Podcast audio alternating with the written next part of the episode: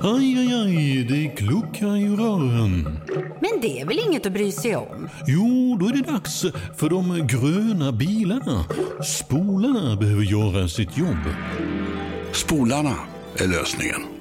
Ah, hör du? Nej, just det. Det har slutat. Hallå där, det är jag som är Lotta Bromé och det här är ett inslag från Halv tre med Lotta Bromé på Mix Megapol. Välkommen till Mix Megapol och Halv tre, Marie Ljungstedt. Tack så mycket. Om man läser The Times så kan man ha sett rubriken One of Swedens best crime writers. Mm. Vad säger man om det? Alltså, Ganska overkligt. Väldigt kul. hur, hur många språk finns dina böcker på nu? Jag vet inte, det är ungefär ett 20-tal någonting. Men det börjar alltid på svenska och eh, årets nya bok då heter Andra sidan månen. Hur känns det? Det känns väldigt härligt, väldigt kul och eh, lite, lite magiskt eftersom det här också är den tjugonde boken jag skriver på lika många år, så det är lite speciellt. Så du vet det varje år att när hösten kommer då kryper jag in och sen måste det vara klart till nästa sommar. Nej, det är inte så det går till, utan det är så här att eh, när jag skriver en bok så är jag helt fokuserad på den. Men sen så händer alltid samma sak. På slutet, när jag verkligen kommer till slutet och skriver slutet, egentligen först då jag känner att det här kommer funka, för jag tar ingenting för givet. Utan det, när jag skriver slutet, då känner jag att det är någonting som släpper, det här kommer gå den här gången också, tänker jag lite glatt överraskad. Och då blir jag mottaglig för ny inspiration och då får jag ett fragment, det brukar dröja någon vecka eller två. Det kan vara en bild, det kan vara, jag ser en människa jag träffar, någonting jag är med om som är som en tändande gnista som sätter igång mig. Och det händer ju varje år, eh, så att eh, det är därför det har blivit 20 böcker på 20 år. Vad är det som är tjusningen med att skriva spänningsromaner för dig? Alltså jag eh, tyckte själv när jag skulle skriva min första bok att det var det bästa som fanns. Det var när man hade en bok som man bara inte kunde sluta läsa. Man måste bara fortsätta för att se vad som händer. Och jag tyckte det var så en utmaning att se om jag kunde skriva på samma sätt. Det tycker jag nog är det allra roligaste, att skriva spännande så att man bara måste läsa vidare. Du har ju skrivit flera då med spelplats, om man kallar det för det, i Gotland. Men nu har ju några andra dykt upp på sistone. Malaga-serien. Mm. Jag har ju skrivit 16 böcker i Gotlandsserien och eh, eftersom jag älskar Spanien och eh, jag har tillbringat mycket tid i Spanien de senaste åren och pratar spanska och sådär och känner mig ganska mycket spansk som människa också så jag känner mig väldigt hemma i Spanien. Då tyckte jag att det var kul att skriva om Spanien så att jag varvar nu Gotlandsserien med den här Malaga-sviten och den boken Andra sidan månen det är då nummer två i den här serien. Första boken Innan målen kommer kom för ett par år sedan. Och det är väldigt kul att få frossa i den här spanska miljön, spanska maten, kulturen och eh, historierna. Jag skriver ju då från Costa del Sol, Solkusten, där det finns många svenskar och det är också turistorter, så det har ju likheter med Gotland på det sättet. Men här har jag då en mordutredare, Hector Correa, och en lärarinna då, en svensk. Lisa Hagel. Hagel, precis. Och eh, de eh, tar sig an de här fallen tillsammans från olika håll. Och eh, det är inga polismöten som det är i Gotlandsböckerna, utan det här är lite mer, det är spänning och så, men det är lite grann på ett annat sätt. Men, men när boken då kommer ut på spanska här, det är första delen va? Första boken kommer på spanska faktiskt nu om någon vecka. Mm, har du skrivit den själv då eftersom du säger att du Nej, flytande? absolut Nej. inte. Då blir det för svårt.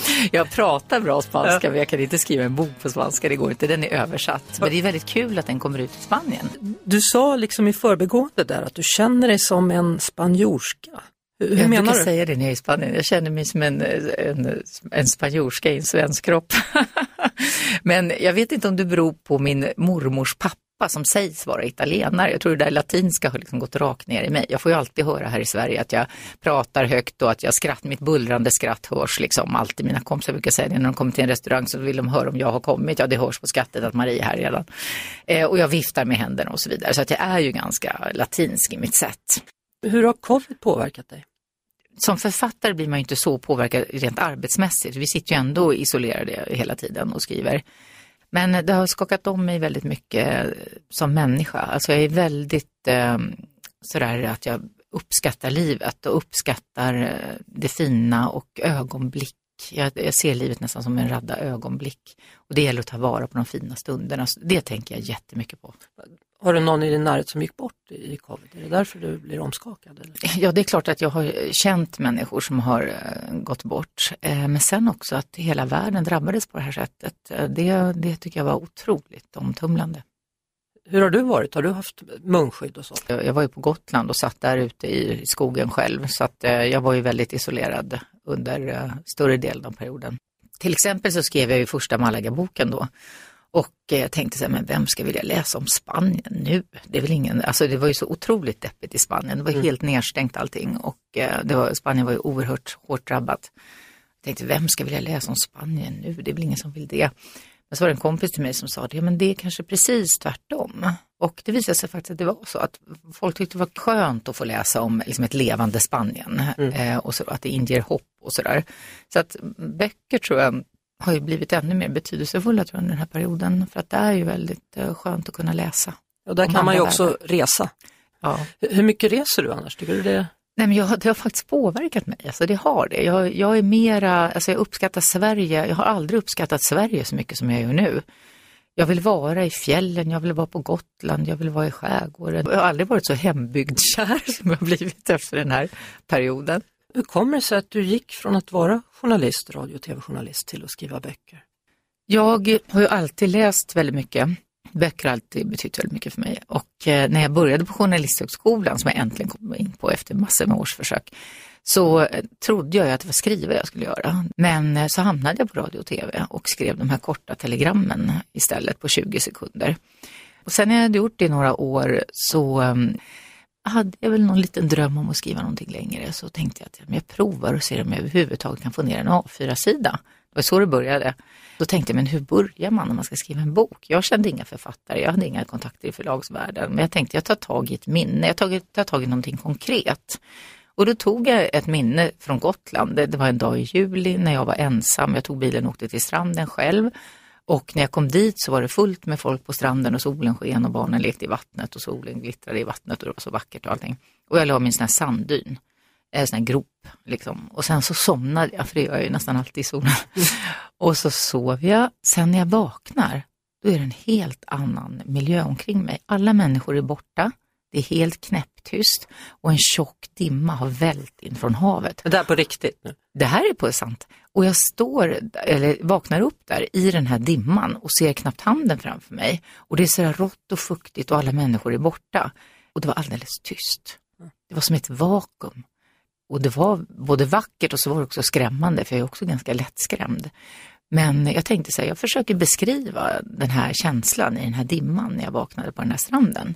Och det var ungefär som att trycka på en knapp, alltså det bara flödade ur mig. Och alla som har läst min första bok, Den du inte ser, vet ju att den börjar med att eh, Helena går ner med sin eh, hund ner till stranden på morgonen dagen efter en fest. Hon är bakis och hon har bråkat med sin pojkvän och är ganska deppig, går ner till stranden och hamnar i den här dimman. Och så försvinner hunden i dimman och sen så händer det otäcka saker förstås. Det förstår man att du gör. Den du inte ser. Oj, vad hände där? Det är någon, Kom åt en påse. Det var någon som kröp upp i påsen. Där. Vem var det? Man undrar. Ja. Mix Megapol är alltså radiostationen. Jag heter Lotta Bromé. Programmet är Halv tre och Marie Ljungstedt är dagens gäst. Och Hon började skriva redan som barn. Ja, jag skrev min första bok när jag var fem år. Den hette Milo TV. Den handlar om en eh, flicka som heter Mil. Jag kommer faktiskt fortfarande ihåg, jag tänkte att hur hennes mun skulle se ut, för jag har alltid varit jättedålig på att rita, men den här var ju också illustrerad. Så jag gjorde hennes mun som en fågelnäbb. Ja. Och så skrev jag då och Mil bodde med den här tv-apparaten och de gick ut i skogen och plockade blommor och lagade mat och sov. Och Hon sådär. och tv-apparaten Ja, Mm, tv-apparaten hade sin egen säng Ja. och sådär. Ja, mm. och plocka blommor. Det är bra. Mm. Det var min första bok. Men sen är det lite roligt när man tittar på gamla, alltså vad man gjorde som barn. För jag har ju hittat då i mina, i mina gömmor en um, Aktuellt-sändning när jag var sju år. Då skrev jag en, en hel, skrev ner en hel Aktuellt-sändning. God kväll och välkomna till Aktuellt. Vi ska börja i Karlstad. Och sen var det liksom Sydafrika och det var från det ena till det andra. Och där satt du. Ja, för sen jobbade jag Ja. på, på SVT i tio år Ja. som, med nyheter. Så att, eh, det satt i redan då. Men hur kändes det första gången du gjorde den grejen då? I SVT? Med tanke på att du redan har skrivit manus för många år tidigare. God kväll, välkommen till Aktuellt.